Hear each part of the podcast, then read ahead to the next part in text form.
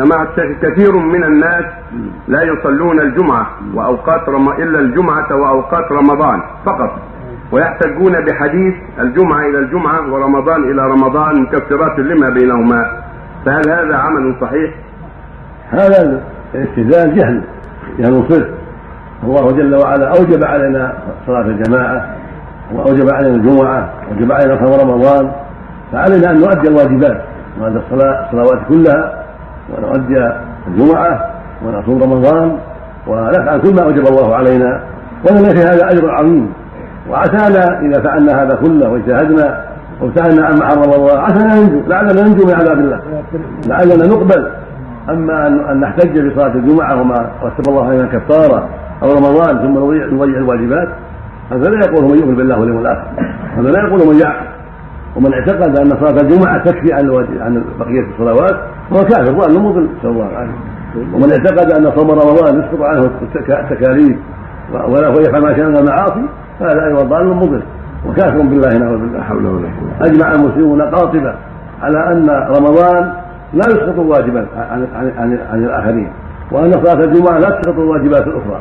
وصلاة الجمعة لا تسقط صلاة الفجر ولا صلاة الظهر ولا صلاة ولا صلاة العصر. لا صلاة الفجر ولا صلاة العصر والمغرب والعشاء في وقتها في يومها.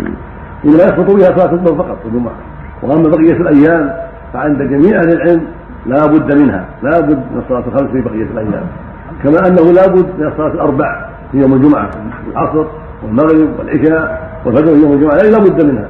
فمن زعم أن صلاة الجمعة تسقط عنه هذه الفرائض كلها واعتقد ذلك فهذا كفر وضلال يجب أن يبادر بالتوبة إلى الله سبحانه وتعالى. الحديث يقول إذا لأن هذا إسقاط لواجبات واستحاله للمحرمات.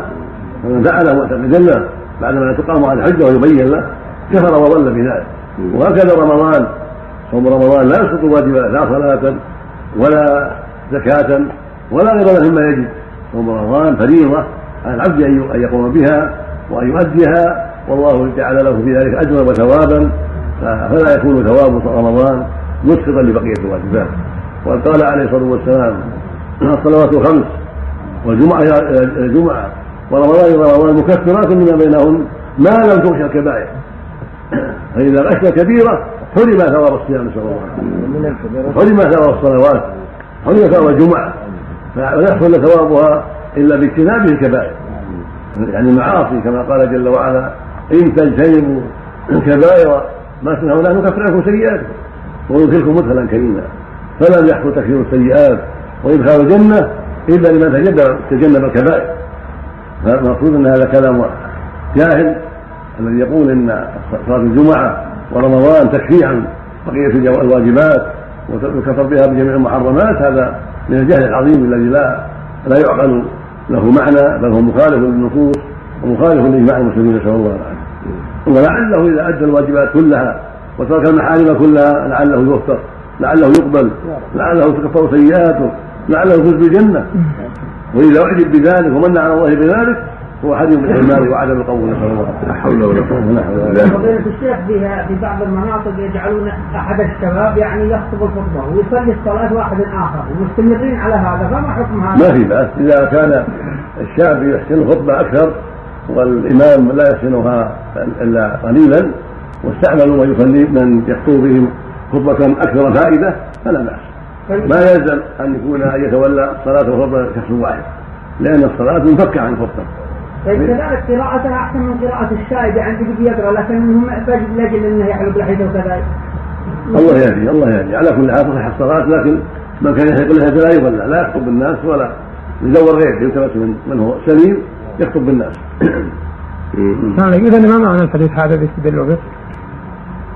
وشو؟ آه الصلوات الخمس والجمعة لا لا فضل يكفر السيئات؟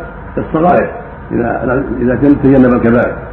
من أتى الجمعة من الجمعة وصلى ما قدر له ثم استمع الإمام وأنصت ولم يفرق بين اثنين الا غفر له ما بينهما الجمعه الاخرى وهو ثلاثة أيام يعني حتى بعشر من ذلك هذا معناه أنه يعطى فضلا عظيما خيرا كثيرا وتكفر سيئاته التي دون الكبائر باجتنابه الكبائر وبأداء هذه الصلاة. وليس معناه انها تسقط عنه واجبات. عليه ان يؤدي الواجبات ويرضي ربه أن ينفع بهذه الصلاة التي رتب عليها هذا الخير.